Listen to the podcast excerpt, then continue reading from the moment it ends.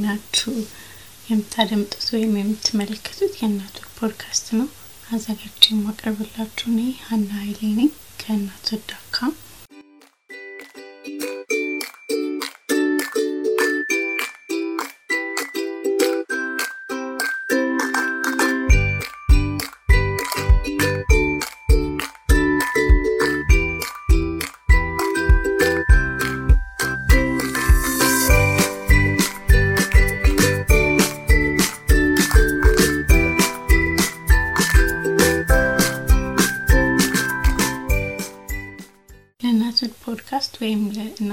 ብሎግ አዲስ ከሆናችሁ አንድን አመጣችሁ ማለት ፈልጋለሁ። እናቶች ስለ እናትነትና እናት ስለሚመለከታት ነገር ሁሉ የምንነጋገርበት መድረክ ነው። ባለፉት ተከታታይ ክፍሎች የነሐሴ ወር ወይም የኦገስትን የጡት ማጥባት ግንዛቤ ወር አስመልክተን ከጡት ማጥባት ጋር የተያያዙ ነገሮችን ስንነጋገር ቆይተናል። ለልጆች ያለውን ጥቅም፣ ለእናቶች ያለውን ጥቅም እንዲሁም በማህበራዊ ሚዲያ ገጽ ደጋግሞ የሚደርሰኝ የጡት ወተት አልቦ ልጆችን መመገብ ጋር የተያያዙ ወይም ደግሞ የ breast milk pumping ጥያቄዎች ነበሩ። እሱንም ደግሞ ነርስ የሆነች እናት እና ደግሞ ሶስት ልጆቿን ስታጠባ ፓምፕ ታደርግ ስለነበር የእሷንም ልምድ በአንድ ክፍል አድርሰናል። እነዚህን ካልተመለከታችሁ ወይም ካላዳመጣችሁ ትፈልጉት ከሆነ description ላይ አረግላችኋል። ዛሬ ደግሞ የምንነጋገርበት የሚሆነው በእርግዝና ጊዜ ማጥባት ወይም ደግሞ ሁለት ልጆችን ማጥባት ነው። በሌሎች ቦታዎች ስናገር ሰምታችሁ ሊሆን ይችላል። እኔ ሶስት አመት አጥብቻለሁ። በሶስት አመት ጊዜ ውስጥ ዘጠኝ ወሩን እርጉዝ ሆኜ ነው ያጠባኋት። ከዛ በኋላ ደግሞ ሁለተኛ ልጅ ከተወለደች በኋላ ደግሞ ለአንድ አመት ከስድስት ወር ሁለቱንም ልጆች ነው ያጠባሁት እና በዚህ ምክንያት የተለያዩ ጥያቄዎች ይደርሱኛል። ስለዚህ ዛሬ የምነጋገርበት ርዕስ የሚሆነው በእርግዝና ጊዜ ማጥባትና ሁለት ልጆችን አንድ ላይ ማጥባት ይሆናል ማለት ነው። በእርግዝና ጊዜ ማጥባት በሚለው እጀምራለሁ። so በማህበረሰባችን በእርግዝና ጊዜ ማጥባት ትክክል እንዳልሆነ ነው የሚታሰበው። እኔም ከማድረጌ በፊት ስለማላቅ ሌላ ሰው አድርጎትም ስላላየው አስፈርቶኝ ነበረ። የተወሰነውን ጊዜ እርጉዝ መሆኔን ሳላውቅ ሁሉ ነው ያጠባሁት እርጉዝ መሆኔን እስከማውቅበት ጊዜ ድረስ ማለት ነው። ከዛ በኋላ ግን ከማቆም እስካሁን ካጠባሁኝ ምንድን ነው ችግሩ ብቀጥልስ ብዬ ከምድዋይፌ ጋር ተነጋግሬ ከዛም ደግሞ ስለዚህ ነገር አንብቤ ነው የቀጠልኩት። ምንም ችግር አልገጠመኝ። እርግዝና ጊዜ ማጥባት ሲነሳ ልንመለከታቸው የምንችላቸው ወይም እኔ ከምድዋይፌ ጋር እንደተነጋገርኩት ከዶክተሮቻችሁ ጋር ትነጋገሩባቸው የሚገቡ ጉዳዮች አሉ። በጠቅላላው ባነበብኩት መሰረት ማጥባት አይቻልም በእርግዝና ጊዜ የሚባል ነገር የለም። በጠቅላላው ሴፍ ነው ወይም ደግሞ ለአደጋ ያጋልጣል ተብሎ አይታሰብም። ግን እንደ ሰውነታችን ሁኔታ እንዳለንበት ሁኔታ አንዳንድ ነገሮች ልናይ ወይም ልንመለከት ይገባል። ለምሳሌ በቀላሉ እኔ አሁን ሶስተኛ እርጉዝ ነኝ። እያጠባው ግን አይደለም። ልጅ አንድ አመት ከስድስት ወር ስለሆነ ትንሿ ባረገዝኩኝ ጊዜ ማጥባት አቆምኩኝ ማለት ነው። ለምንድን ነው ሰውነቴ እንደ መጀመሪያው ያኔ እንዳጠባውበት ጊዜ ደስ የሚል feeling አልሰጠኝም ማለት ደስ የሚል ስሜት አልሰጠኝም። ልጄን ሳጠባት ማለት ለማጥባት ስሞክር እንደዛኛው ጊዜ አልነበረም። ስለዚህ ያው ሰውነቴን አዳምጬ አቆምኩኝ ማለት። ሌላው ደግሞ በጣም የደገፈኝ ነገር እሱ አንድ አመት ከስድስት ወር ያህል ስለጠባች ይበቃታል ብዬ በማሰብ ነው። በመጀመሪያው ጊዜ ግን ልጆች የአንድ አመት ከስድስት ወር ልዩነት ስለሆነ ያላቸው መጀመሪያ ልጅ ነው ልጅ ከዛ እያጠባ ሁለተኛ ሳረግዝ ልጄ ገና አንድ አመትም አልሞላውም ነበር እና በጊዜው ለማጥባት እፈልግ ነበር። ሰው ማቆምም ስለከበደኝ ነው ሰው አንዳንዱ ነገር ከጤና አንጻር የምንወስነው ሊሆን ይችላል። አንዳንዱ ደግሞ ሁኔታችን አይተን የምንወስነው ሊሆን ይችላል እና አንድ በአንድ መንገድ ብቻ የሚወሰናል። በእርግዝና ጊዜ ማጥባት ጋር ተያይዞ የሚነሱ የጤና ከጤና ጋር ተያይዞ የሚነሱ ጥያቄዎችን ላንሳ። አንደኛው በጽንስ ውስጥ ያለውን ልጅ እንጎዳዋለን የሚል ሀሳብ ነው። ሰውነታችን የራሱ የሆነ መንገድ አለው። አፈጣጠራችን ያው ልዩ ስለሆነ ራሱ የሚያስተካክልበት መንገድ አለው። እኔ ከማርገዜ በፊት የነበረኝ ያህል ወተት መጠን አልነበረኝም በማጠባበት ጊዜ እርጉዝ ሆኜ ማለት ነው። so ያስተካክላል ማለት ነው። አንዳንዴ ግን ራሳችን ተመልክተን ደግሞ ይሄ ነገር ጥሩ ነው ወይም ደግሞ ጥሩ አይደለም ብለን ልናቆም የምንችልበት ምክንያት ይኖር። አንደኛው ምንድን ነው ሁልጊዜ እንግዲህ በእርግዝና ጊዜ ሄደን checkup እናደርጋለን። ስለዚህ ስናደርግ የኛ ኪሎ መጨመሩን የጽንሱም ኪሎ ወይም ደግሞ ክብደት እና እድገት እያደገ እንደሆነ ከሳምንት ሳምንት ከወር ወራት check ይደረጋል አይደለ? ሆዳችን ይለካል። በአልትራሳውንድም check ይደረጋል ምን ያህል ክብደት እንዳለው በውስጡ ያለው amniotic fluid ወይም ደግሞ የእንሽርት ውሃ የሚባለው እሱ ምን ያህል ነው መጠ ብዙ ሕክምናም ሊያረጋግጥ የሚችላቸው ነገሮች አሉ አይደል? እነሱ ጥሩ እስከሆኑ ድረስ ይሄ ሀሳብ ወይም ደግሞ concern ሊረጋገጥ የሚችል ስለሆነ ጥሩ ካልሆነ ማጥባት ነው አፌክት እያደረገው ያለ ወይም ማጥባት ነው ለጽንሱ እድገት እክል ሆኖ የገጠመው ከተባለ ልናቆም ይገባል። ካልሆነ ግን እንዲሁ ዝም ብሎ አንድ እናት እርጉዝ ስለሆነች ብቻ ማጥባት ማቆም አለባት የሚባል ነገር የለም ማለት ነው። ሌላው ደግሞ ይህን ነገር ሳነሳ ከሰዎች ደርሶኝ የነበረው በጽሁፍ የተላኩልኝ መልክቶች ምንድን ናቸው? ጠባው ማርገዝ አልቻልኩም የሚል ነው። ያው እንደምታውቁት እርግዝና ሊከላከል ይችላል ማጥባት የተወሰነ ጊዜ ግን እሱም hundred percent አይደለም። እኔ ለምሳሌ እያጠባሁ አርግዣለሁ። ሁለተኛ ልጄ እንደዛ ነበር እና ሙሉ በሙሉ ማጥባት እርግዝናን ይከላከላል ብለን የምናቆመው ነገር አይደለም። ግን ያው የሆርሞን ነገሮች ስለሆኑ የተወሰነ percent እንደሚከላከል የተረጋገጠ ነው። so በዛ ምክንያት አንዳንድ እናቶች ማጥባትን ማቆም ይፈልጋሉ፣ ሌላ ልጅ ማርገዝ ሲፈልጉ ማለት ነው። so ለእነዚህ እናቶች ምክንያት የሆኑ ይሄ ከሆነ ያው ማቆም ያስፈልጋል ማለት ነው። ይሄም መጀመሪያ እንደተናገርኩት እንደ ሁኔታችን ይለያያል ያልኩበት ምክንያት እሱ ነው። ሌላ ደግሞ የደረሰኝ ምን ነበር፣ እርጉዝ ሆኜ እያጠባው ስቀጥል የጽንስ መጨናገፍ ወይም ደግሞ miscarriage አጋጥሞኛል። እሱም ደግሞ ምንድን ነው በእርግዝና ጊዜ የሚጨምሩ ሆርሞኖች አሉ እና እነሱ አንዳንዶቹ level አላቸው የሚፈለገው level ድረስ መሆን አለባቸው ጽንሱ እንዲቀጥል እና እሱን እንዲቀንስብኝ አድርጓል እና ምክንያቱም ማጥባቴ ነው ያለችኝ እናት ነበረች። ሊሆን ይችላል የጽንስ መጨናገፍ ምክንያቱ አንዳንድ ጊዜ ይታወቃል፣ በብዛት ግን አይታወቅም። ምክንያቱም ብዙዎቹ chemical reaction ነው የሚሏቸው ስለሆኑ በተለይ ከሶስት ወር ከአራት ወር በታች የሆኑ የጽንስ መጨናገፎች ምክንያታቸው በእርግጠኝነት አይታወቅም። ሳይንስ ራሱ አላረጋገጣቸውም። የተወሰኑ ከሆርሞን ጋር እንደዚህ የተገናኙ ነገሮች ሊሆኑ ይችላሉ። ግን በምን ታወቀ፣ ከዛ በኋላ ምርመራው ምናምን የሚሉ በመሀል ያሉ ብዙ ነገሮች ስላሉ ሙሉ ለሙሉ conclusion መስጠት ወይም ደግሞ አጠቃላይ የመደምደም አልችልም። ስላጠባች ነው የጽንስ መጨናገፉ የተፈጠረው የሚል ማጠቃለያ መስጠት አልችልም። ምክንያቱም ሳያጠቡ በጣም ብዙ miscarriage በጣም ብዙ ነው ቁጥሩ data ውን ብትመለከቱ እና እነዚህ ሁሉ ሴቶች ስለሚያጠቡ አይደለም ሳያጠቡም ሊያጋጥም ይችላል።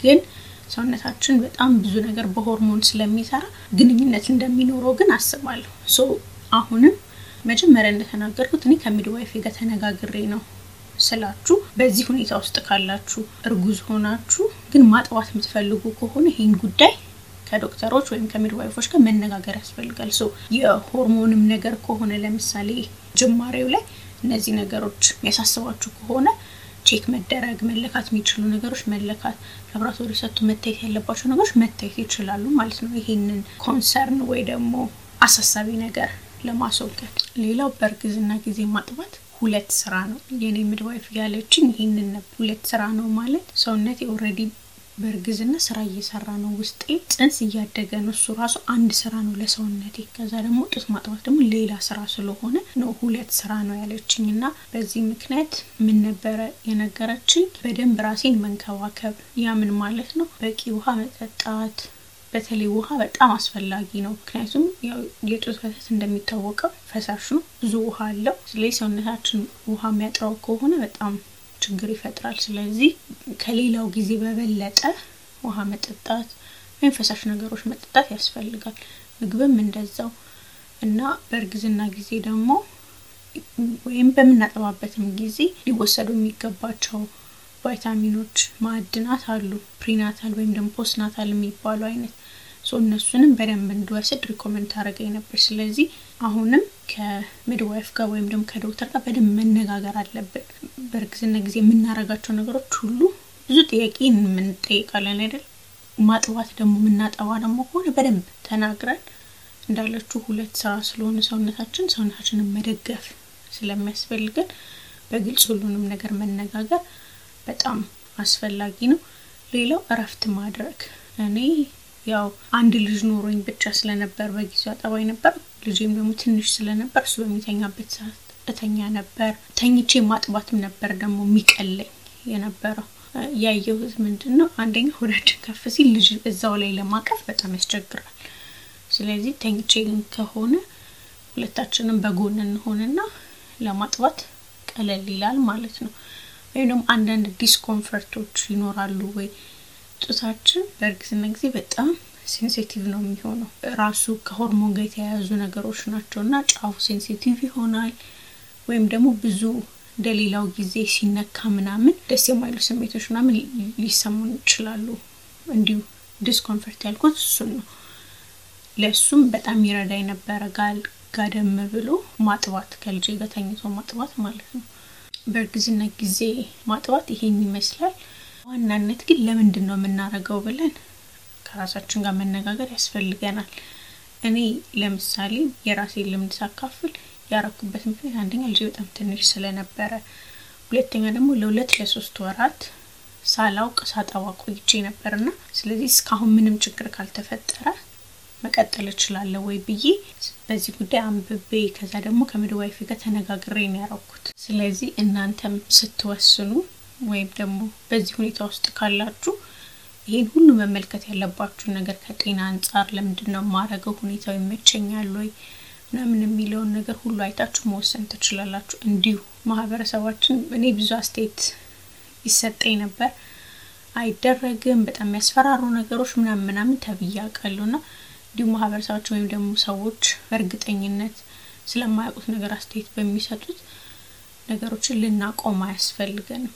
ልናረግ የምንፈልገው ነገር ከሆነ ትክክለኛውን መረጃ ትክክለኛውን ድጋፍ አግኝተን ማድረግ እንችላለን ማለት ነው። ሌላው ደግሞ እንግዲህ ልጄን ከወለድኩኝ በኋላ ሁለተኛ ልጄን ሁለቱንም ደግሞ አንድ ላይ አጥብቻቸዋለሁ ከአመት በላይ ወደ አመት ከስድስት ወር አካባቢ። እሱን ደግሞ ያደረግኩበት ምክንያት ምንድን ነው?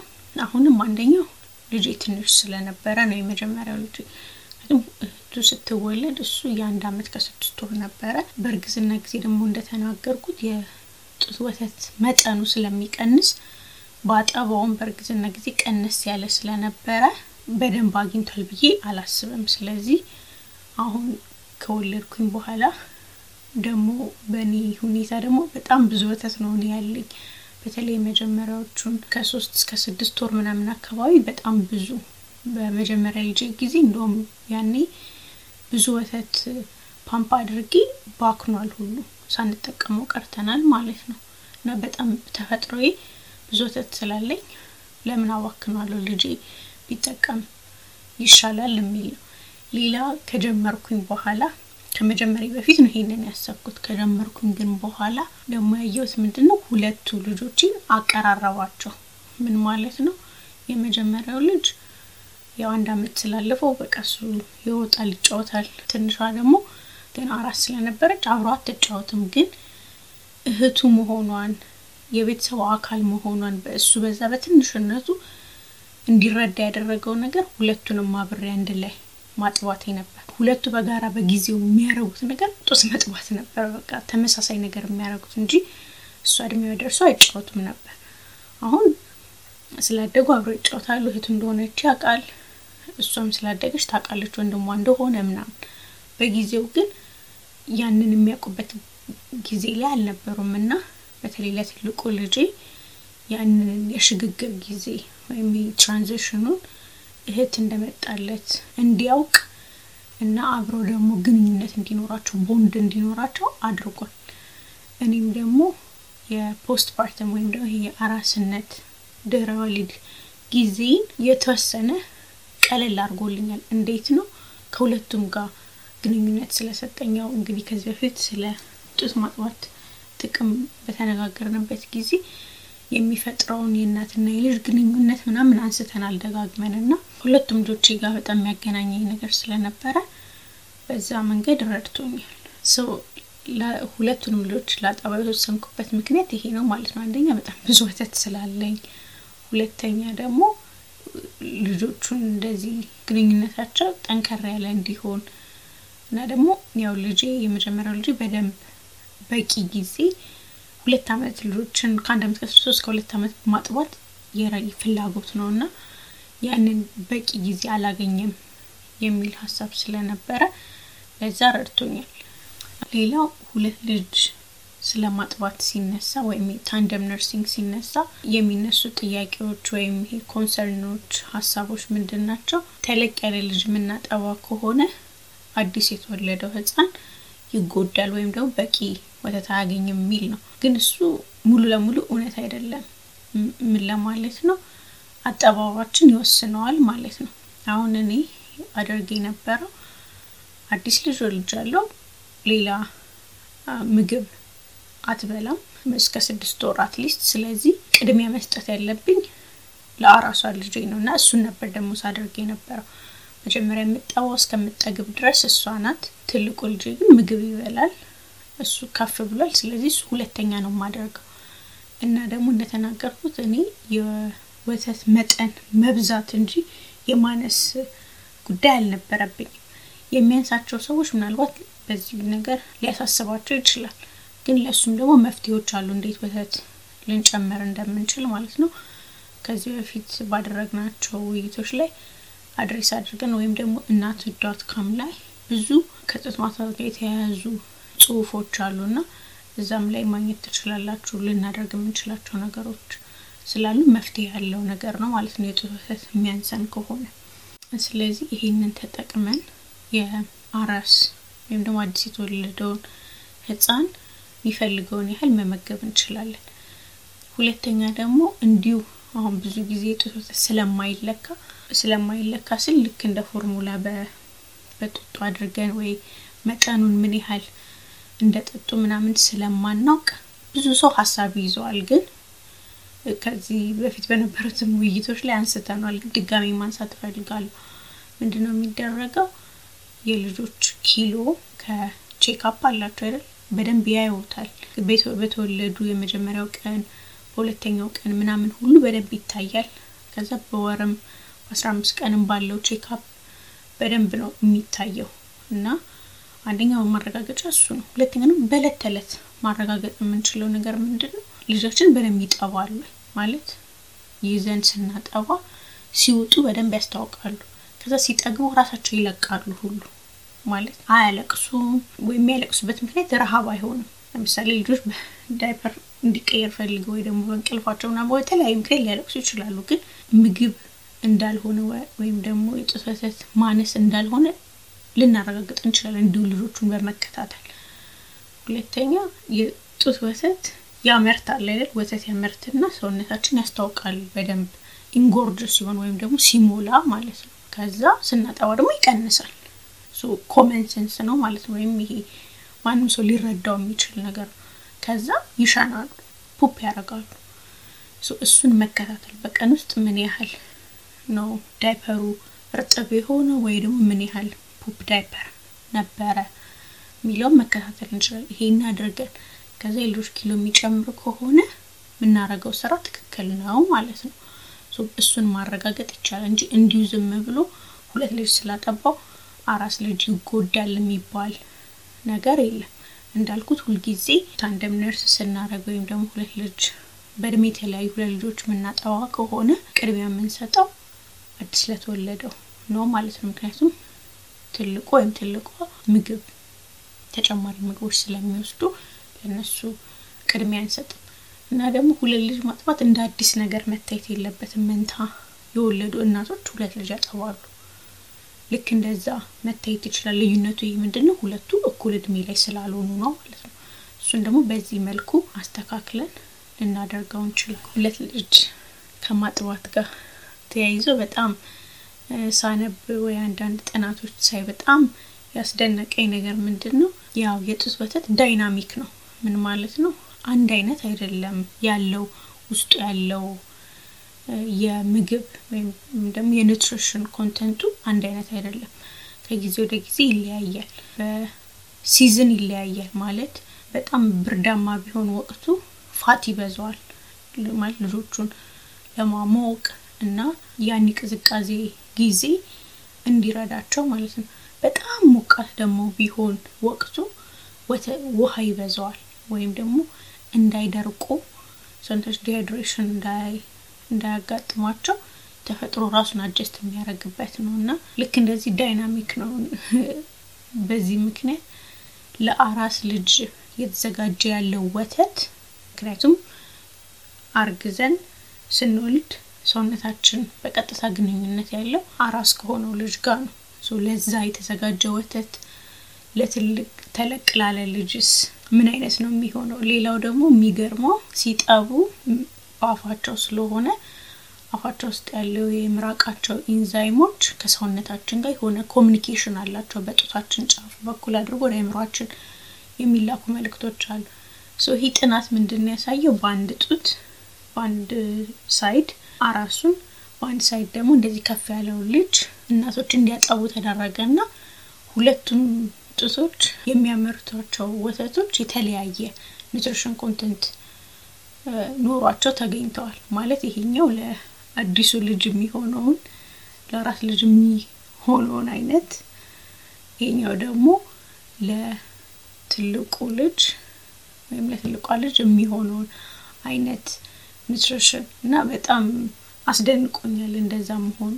እሱ አንዳንድ ጊዜ እናቶች ምን ያደርጋሉ? ይሄኛው ጡቴ ለዚህኛው ነው ለዚህኛው ልጅ ነው፣ ይሄኛው ጡቴ ደግሞ ለዚህኛው ልጅ ነው ብለው የሚያጠቡ እናቶች አሉ። ከዚህ ተነስተው ማለት ነው።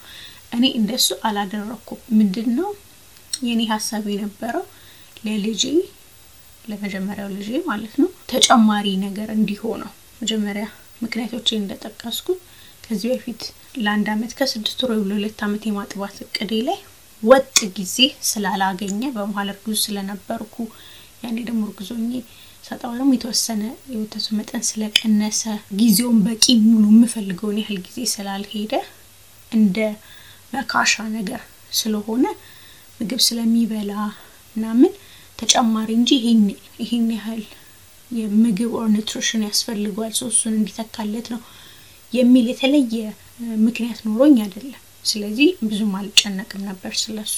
ለአዲስ ለወለድኳት ልጅ ግን ያው ለእሷ ዋና ምግቧ ለስድስት ወር ያህል at least ዋና ምግቧ ጡት ወተት ስለሆነ እሷን ነበር ማስቀድመው። እሷን ቀድሜ አጠባታለሁ። እሷ ከጠገበች በኋላ basically የተረፈውን ነበር እሱ የሚወስደው ማለት ነው። ሌላው ለእኔ ምን ረድቶኛል ሁለት ልጅ ማጥባት ግንኙነቱን ቅድም አስረድቻለሁ። ከሁለቱም ልጆች ጋር ግንኙነት ስለፈጠረልኝ በጣም ጥሩ ነበር። ያንን የመሸጋገሪያ ወይም የ transition ጊዜ transition የምለው ደጋግሜ ለምንድን ነው አዲስ ልጅ ሲወለድ የቤተሰቡ dynamic ይቀየራል። ትልልቅ ልጆች የተለያየ ስሜት ይሰማቸዋል በያሉበት እድሜ ማለት ነው። ከፍ ያሉም ልጆች ሆኑ ትንሽም የሆኑ እሱ ደግሞ በጣም ትንሽ ስለነበረ መጥባታቸው የበለጠ ለእኔ ያግዙኛል። ሌላ ደግሞ የረዳኝ በዋናነት እንዳልኳቸው ወተት እኔ በጣም ይበዛኛል። በተለይ የመጀመሪያውን ሶስት ወር እስከ ስድስት ወር ድረስ በጣም ብዙ ወተት አለኝ እና በዛ ጊዜ ወተቱ ሙሉ ለሙሉ ካልወጣ engorgement ይፈጠርና ከዛ duct ኦች ሊዘጉ ይችላሉ። ምን ማለት ነው? ወተት በጊዜው ካልወጣ ውስጡ እንደ መርጋት አይነት እንደ ወተት ይሄ የላም ወተት እንደሚረጋው ምናምን አድርጋችሁ አታስቡት። ግን ላይ በውስጡ እንደ መርጋት አይነት የ duct ኦቹ clogged መሆን ይዘጉና እሱ በጊዜው treat ካልተደረገ mastitis የሚባል ወይም ደግሞ የጡት ኢንፌክሽን ሊያመጣ ይችላል እና በጣም painful ነው። በጣም መጥፎ ነገር ነው። ምን ማድረግ ያስፈልጋል? ወተቱ እንዲወጣ ወይ ፓምፕ ማድረግ ያስፈልጋል። ሙቅ ውሃም ጥሩ ነው። ከዛ ራሱ እንዲሁ ዝም ብሎ እንዲፈስ ወተቱን ሊረዳው ይችላል። የተለያዩ ነገሮች ማድረግ አለብን ሰውነታችን adjust እስከሚያደርግ ድረስ ማለት ነው። እና እኔ ፓምፕ ማድረግ አልወድም ብዙም። የመጀመሪያ ልጄ ላይ የተወሰኑ ወራቶች አድርጌ ነበር፣ ግን በቃ ፓምፕ ማድረግ የምመርጠው ነገር አይደለም አማራጭ እስከሌለኝ ድረስ ማለት ነው። እና አማራጭ ሆኖ ያገኘሁት ምንድን ነው ልጄን ትልቁ ልጄን ማጥባት ነው በቃ እና ምንም አይነት ይሄ excess supply ወይም ደግሞ የወተት መብዛት የሚያመጧቸውን ችግሮች አላጋጠመኝም ማለት ነው። ምክንያቱም እሱ ይጠባል፣ በቃ ባዶ ያደርግልኛል ማለት ነው። እና እኔ ሳየው በእኛ ሁኔታ በእኛ ሁኔታ ማለት ለእኔና ለልጆቼ ባለሁበት ሁኔታ በጣም የሚረዳኝ ነገር ሆኖ ስላገኘሁት ነው ሁለቱንም ልጆች ለማጥባት የቻልኩት ማለት ነው። እና ሌላው ደግሞ የተማርኩት እንዳልኳቸውን ሶስተኛ እርጉዝ ሆኜ አላጠባም። ትንሿ አመት ከስድስት ወር አካባቢ ያለ ምንም መቋረጥ ስለጠባች አንደኛ ምክንያቱ አልታየኝም እንደዛኛው ጊዜ ወይም ደግሞ ለትልቁ ልጅ እንዳሰብኩት ምክንያቱ ብዙም አስፈላጊ ነው አሳማኝ ሆኖ አላገኘሁትም። ሁለተኛ ለአጠባት ስሞክር ደስ የማይሉ ስሜቶች በቃ እንዲሁ አልወደድኩትም፣ ደስ አላለኝም። በዛ ምክንያት አሁን አላደርግም። ስለዚህ አንደኛ ከጊዜ ጊዜ ካለንበት ሁኔታ ምናምን ይለያያል። አሁን እርግዝናም ከአንደኛው ሌላኛው ይለያያል አይደል? እንደዛ ነው። አሁን የሶስተኛ ሌሎችም አንዳንድ ያየዋቸው ለውጦች አሉ። ምናልባት ደግሞ ሰውነቴ reject ያደረገበት ምክንያት ሁልጊዜ ሰውነታችን ህይወትን ማስቀጠል ነው የሚፈልገው፣ survive ማድረግ ነው የሚፈልገው። ስለዚህ ምክንያት ይኖሯል እና ራስን ማዳመጥ፣ ሰውነትን ማዳመጥ በጣም አስፈላጊ ነው። እሱን ማድረግ ተጨማሪ ደግሞ እንደዚህ ጥያቄዎች ካሉ ወይም ደግሞ ልናስተካክል የሚገባቸው አንዳንድ ነገሮች ካሉ ዶክተሮቻችን midwife ማናገር የእኛን specific ሁኔታ ስለሚያውቁ ሰውነታችን እንደሚያስፈልገው test መደረግ ያለብን ነገሮች ካሉ አድርገን ተጨማሪ መውሰድ ያለብን supplement ኦች or ምግብ ምንም ነገር ካለ እነሱን አድርገን መቀጠል እንችላለን። ግን ስንሞክረው ደግሞ still ጥሩ ሆኖ ካላገኘ ነው ውስጣችን ካላመነበት ማቆም እንችላለን። ምንም የሚፈጠር ነገር የለውም። ይህንን ውይይት ላደርጋ ያሰብኩበት ዋና ምክንያት ጥያቄዎች ስለሚደርሱኝ ነው። ያው እርጉዞኝ ማጥባቴን ስለምናገር ወይም ደግሞ ሁለት ልጆች እንዳጠባው ስለምናገር፣ ግን ከዛ በላይ ምንድነው ብዙ ነገር ይሄ ልክ ባልሆኑ መረጃዎች የሚሰጥ ጥቅልል ያለ ወይም ደግሞ የሚሰጡ ኮንክሉዥኖች አሉ። በእርግዝና ጊዜ በቃ አይጠባም በጭራሽ ሁለት ልጅ እንዴት ታጠቢያለሽ ምናምን የሚሉ ይሄ ማረጋገጫ የላቸው evidence based ያልሆኑ መረጃዎች ወይም ደግሞ ንግግሮች ከሰው ስለሚመጡ ሰውን ወይም እናቶች ማድረግ የፈለጉትን ከማድረግ ስለሚከለክላቸው ማድረግ ይቻላል የሚል መረጃ ለመስጠት ነው። አንድም እንዲሁ መቻሉን በ theory ሳይሆን አድርጌ ስላየሁትን ነው ልምዴ ላካፍላቸው የፈለግኩት። ተጨማሪ ጥያቄዎች ወይም ደግሞ ሀሳብ ካላችሁ በእናትሁድ ማንኛውም የማህበራዊ ሚዲያ ገጾች ብታደርሱኝ ወይም ደግሞ እናትሁድ dot com ላይ ሄዳችሁ message ብታደርጉ ይደርሰኛል፣ ለመመለስ እሞክራለሁ። ይህንን የእናትሁድ ፖድካስት አድመጣችሁ ወይም ተመልክታችሁ ከወደዳችሁት ለጓደኛ ለቤተሰብ አካፍሉት። የዚህ ክፍል ውይይታችን ይህን ይመስል ነበር። በሚቀጥሉት ክፍሎች የተለያዩ ከእናትነት ጋር ከመውለድ ጋር አሁን ደግሞ እኔም ሶስተኛ እርጉዝ ስለሆንኩኝ ከእርግዝና ጋር የተገናኙ ከወሊድ ጋር የተገናኙ በጣም ብዙ መረጃዎች ይዤላችሁ እመጣለሁ። subscribe አድርጋችሁ ወይም follow አድርጋችሁ እንድትከታተሉ እጋብዛለሁ። ሰላም